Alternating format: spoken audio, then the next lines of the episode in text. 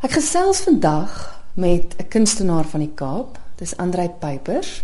Alipad van Kleinmond. Dis korrek, ja. Baie welkom hier in Pretoria. Baie dankie. Ons is hier by by die Pretoria Kunskamer. Die rede hoekom ek met jou gesels is, dit is wel wildlewe, maar dit is heeltemal anders. Dis nie jou gewone idee van die leeu wat in die bossie lê en jy sien die bome en alles nie. Jou werk het almal wit agtergronde. Hoekom nie besluit om so heeltemal anders te wees? Ehm um, dit was maar 'n evolusie van van van 'n botaniese skildery wat ek moes doen vir 'n kliënt oor blomme en ek het besluit om dit toe te pas op die wild wat ek mee besig is om te skilder. Ek het die agtergrond weggevat en ek het die ek het begin met my gemsbokke. Hulle op 'n wit agtergrond gesit en dit het vir my absoluut heeltemal die onderwerp heeltemal uitgelig. So daar met die met die wit agtergrond wat hulle gewoonlik sê it's just important to leave something out as it is to put something in, het dit vir my begin werk en ek het van daar af het ek dit begin toepas op meeste van my onderwerpe om die skoon spierwit krisp wit agtergrond te hê met hierdie volkleur blom wat ek skilder of 'n dier wat ek skilder in in in die veld wat ek nou werk op die oomblik is dit nou maar meestal sebras, beeste, dis ehm um, wild en dan kommersiële diere. So ehm um, die variasie is redelik groot en ehm um, en natuurlik die skaal verskil ook want baie keer is ek lus om op 'n groot doek te skilder, meeste van die tyd groot doeke, maar dit werk net so goed op klein doeke mm. ook. Ja, so Dis waar wat jy sê die feit dat die kameelperd byvoorbeeld wanneer ons staan en kyk, jy sien die kameelperd raak en nie al die ander bossies ja. en bome en goed agter nie. Maar weet jy, ehm um, wat wat interessant is nou, jy begin jy begin 'n struktuur raak sien in die skildery wat jy miskien nie gesien het met al die bome in die agtergrond nie. Mm. As jy vat die kameelperd byvoorbeeld, hy's besig om water te suip by die watergat. Mm. Ek het die agtergrond agter die kameelperd weggevat en ek het sy refleksie met die bome wat agter hom mm. is in die water gereflekteer. So jy kry onmiddellik 'n 'n kokiness, daar's iets wat kort, jy jy mis dit, maar jy mis dit ook nie ja. om die agtergrond te sien. En dan kom jy agter hier's eintlik simmetrie in die skildery wat jy nie sou gesien het nie. Die waterlyn deel die skildery in die halfte. Die zebra waar sy bene uitstrek, reflekteer in die water en dit vorm weer 'n diamantvorm. Ja, so jy het kort kort het jy daar's daar's absolute strukture in die skildery wat jy nie sou gesien het met met 'n vol agtergrond nie. En dan raak dit um soos hulle in Engels sê 'n conversational piece. Jy begin praat oor die skildery en dis wat ek wil hê. Ek wil nie hê mense moet net kyk na die skildery en sê o, dis mooi nie. Hulle moet hulle moet fisies begin sien maar hier's hier's eintlik net meer in die dier self wat geskilder is. Baie van my diere wat jy nou sal sien as ons nou deurstap, um die oë. Die oë is is gewoonlik ehm um, wat meeste van die mense aantrek in in die skilderye en so mm. dit ja die die aksent is absoluut op die onderwerp dan sonder die agtergrond. Maar mens sien dit nogals mooi met die blomme ook want dis nou dis die diere wat jy het en dan is jy ook baie bekend vir jou jou blomme wat ja. weer eens ook op 'n wit agtergrond is ja. en is geweldig naby. Ja. Dis plek ja. soos jy kan letterlik in die blommetjie inkyk ongelooflike detail. Die werk word beskryf as ehm um, of is al vir my beskryf as om deur 'n zoom lens te kyk. Mm. En dit is presies dit. Ehm um, veral op die groter werke, dit voel vir my ek wil ehm um, jy sien die verskil met 'n met 'n groot skildery en 'n klein skildery. 'n Groot skildery stoot gewoonlik die kyker weg. Jy staan terug om die hele prentjie in te kry. Nou daar weer eens doen ek iets anderstes. Ek skilder met soveel detail op die groot doek dat jy staan weg en sien hom, maar jy stap tog nog steeds mm. nader om die detail raak te sien en dan trek dit die so jy het 'n interaksie die hele tyd met iemand wat kyk na die skildery en dit is dit is wat dit uh wat 'n skildery die moeite werd maak. Is um hy moet nie net hang en stof vergader en mooi lyk nie. Hy moet kort kort as jy verbystap met iets niets raak sien of ek het nie die ligweerkaatsing op die blare gesien of die fynne detail in die in die stem van die blom of so iets nie. So ja, dis belangrik om daai interaksie vir my, is dit belangrik om die interaksie met die met die kyker en die skildery te kombineer, ja. Alet Wessel staan ook hier by ons, hy's eienaar van die galery en hy het 'n hele paar jaar terug het Andre, ek dink die eerste keer by julle uitgestal en ek dink op openingsaantal 80% van sy goed verkoop.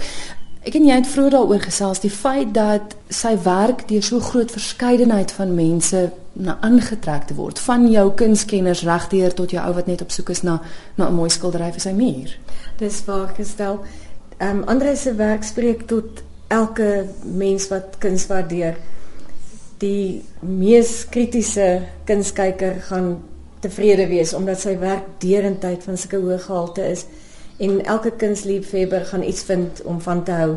Andre se werk is 'n wye verskeidenheid van temas, die alwyne, die beeste, die wilde diere, die blomme, die feit dat sy werk op kleiner doeke is sowel as baie groot doeke maak dit so geskik vir uh, residensiële gebruik sowel as korporatiewe gebruik. Ehm um, daar's iets in elke prysklas wat tog vir ons belangrik is by die aankoop van kuns en sy werk omdat dit so uniek is en soveel fasette het wat 'n mens die hele tyd boei, is werk wat jy net nooit vermoeg word nie. En dis hoekom sy uitstalling in 2004 so uiters geslaagd was en ons kyk natuurlik nou met groot verwagting uit na net so geslaagde uitstalling uh, eerskomende Saterdag die 11de. Maar vir die uitstalling het jy nou bietjie verder gegaan en iets anders gedoen. Iets wat niemand nog ooit gedoen het nie. Ek staan en kyk hier na 'n canvas wat nie reguit is nie, bedoelende die feit dat hy gekurf is. Het jy hom in water vergeet dat hy skeef getrek het?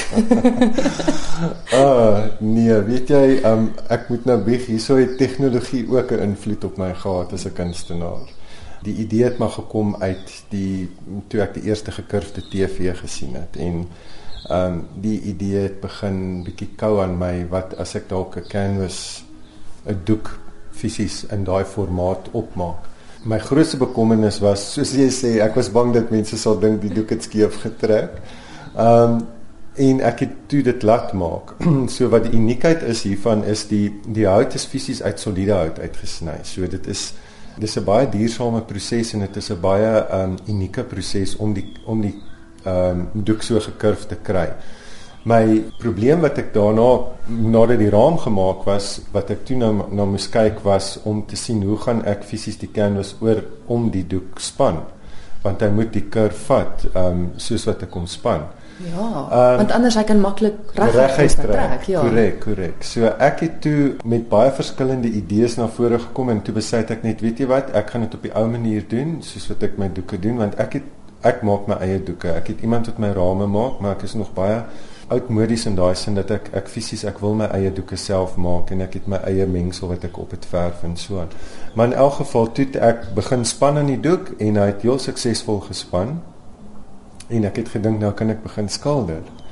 Maar nooit besef dat ek eintlik nou op 'n gekurfde doek gaan skilder en nie meer 'n plat doek nie. So maak dit 'n verskil. Ja, dit doen nogal. Dit het dit het daar baie challenges vorendag gekom na nadat ek gedink het die ergste was nou oorbrug geweest want ewe skielik jou komposisie moet in in dagte die komposisie was klaar geformuleer maar om dit op die doek te kry en uit te skets en later te besef ek maar dit werk nie want my proporsies is uit. Omdat dit 'n kurf is en hierdie spesifieke ene waarna ons nou kyk is in blokkies geskilder elke blokkie is individueel geskilder um moes ek hom so inmeet ek het met 'n middellyn begin en toe ek onderkom te besef ek my blokkies is langer onder as as in die middel. En nooit besef dat ek moet uitklink saam met die kurf werk en nie op ek is mos nou nie meer op 'n plat oppervlakte nie. So daar het baie ander dingetjies uitgespring wat wat wat leersaam was in die ja. proses in. Um en daaroor is die sukses toe nou daarna uit dit wat ek geskilder het. En natuurlik het ek die idee van die blokkies was juis om die hele komposisie te uh pixelate. So om weer terug te kom by die tegnologie. Om weer terug te kom by die tegnologie. So daar het ek die twee weer gekombineer. My my gewone zebras is soos die een hier agter jou wat ek gewoonlik skilder. Wat ook op 'n gekurfde. Hy's ook op 'n gekurfde doek, maar ek wou sien hoe omdat dit nou vir my in die begin 'n eksperimentfase was, wou ek sien hoe my my zebras soos wat ek van ouds af al of van jongs af skilder, um hoe hulle gaan lyk op 'n gekurfde doek. Daar was aanpassings in die komposisie self, nie so seer omdat ek nou met blokkies gewerk het nie, maar in die komposisie self en as die skildery teen die muur hang, dan gee hy 'n werklike dimensionele effek. Hy het daar's definitief 'n effek op hom en mm -hmm. en dit is wat wat vir my geslaag het. En natuurlik toe ek nou klaar is met dit, toe voel ek right. Ek het nou die regte ding hier weet. So ek gaan van af uh, jy weet ek kan dit nou verder vat met met ek wil nou my blomme probeer daarop en Um, ja, want jy maak dit nie vir jouself maklik nie. Jy begin met 'n sebra. En dis ook nie net een sebra nie. Daar's 'n stuk of hoeveel. Al wat jy sien is strepe. Ek, ja, ek dink daar's seker daar in totaal seker 25 of 30 sebras daar ingeskilde. En die interessantheid van dit is elke sebra is apart want is my eie uh, is my eie hmm. foto's wat ek gaan neem het. So ek ek kombineer die sebras uit 'n klomp foto's saam, laat hulle in 'n groep staan gewoonlik staan hulle so gegroepeer om die die aanvaller bietjie de mekaar te maak sodat hy nie presies kan fokus op wat is die die een sy prooi wat hy wil vang. Ja, ja. So maar eh, van daar af wat ek nou die die die groepering doen, maar elke sebra op hierdie skildery is is 'n individuele sebra. So jy moet nou die hele tyd jou perspektief inhou so hulle raak kleiner hoe verder hulle agtertoe gaan ehm uh, die grootte staan voor jy met die verhouding van die die baba sebrakie wat hier voor staan by die ma moet jy nou ehm um, jy met hom proporsioneel hou en dan moet jy ook in gedagte hou ek sit nou skaduwese in mm.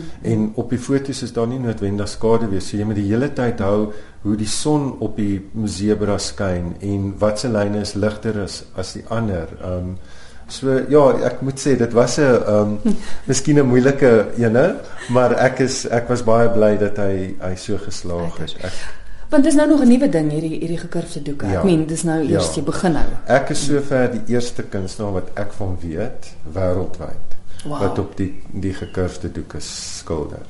En dit is kom dit vir my so lekker is nou om dit nou dit is vars. Hulle is nog daai een is nog nat en hulle is hierso by die Pretoria Kunskamer wat hulle nou pretty much gelons gaan word in die in die in die mark. So, so mense kan nou maar gekurfde huise bou. Hulle kan nou kunswerke. Well, ja, die mure hoef nie meer reguit te wees nie. Nee, weet jy, ek is um ek ek voel um dis soos wat Talet nou nou gesê het, die werk kan uitklink in enige ja. tipe styl pas. Ehm um, het sy dit kommersieel is of residensieel.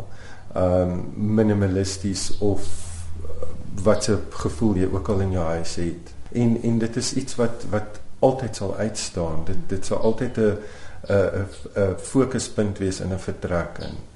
Ehm um, so ek is ek is baie baie tevrede met die uitkoms van dit. Dit is maar nou net om te sien wat wat wat die ehm um, mense daar buite gaan dink as hulle dit nou vir die eerste keer raak sien. Wonderlik. Kom ons nooi die luisteraars want julle het nou die opening, die hoeveelste?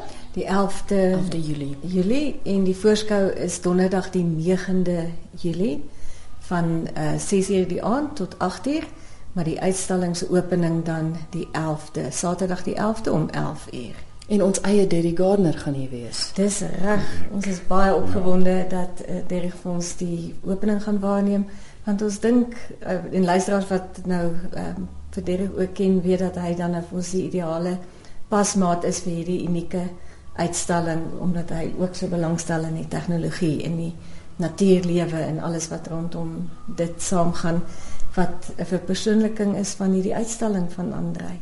Net vinnig af vir die luisteraars, ons het 'n hele ruk terug gesels. Toe was julle nog in 'n ander gebou gewees en julle was toe nog die Alet Wesselskunskamer. Dis nou 'n nuwe naam en julle is ook op 'n nuwe perseel. Dis reg. Ons is nou um, op die hoek van Forbes Reef Straat en Kliplaan in Waterkloof Hoogte. En dis baie maklik om ons te vind op Google Maps of dan net te skakel vir padaanwysings um, op die hoek van Kliplaan en Forbes Reef Straat Waterkloof Hoogte.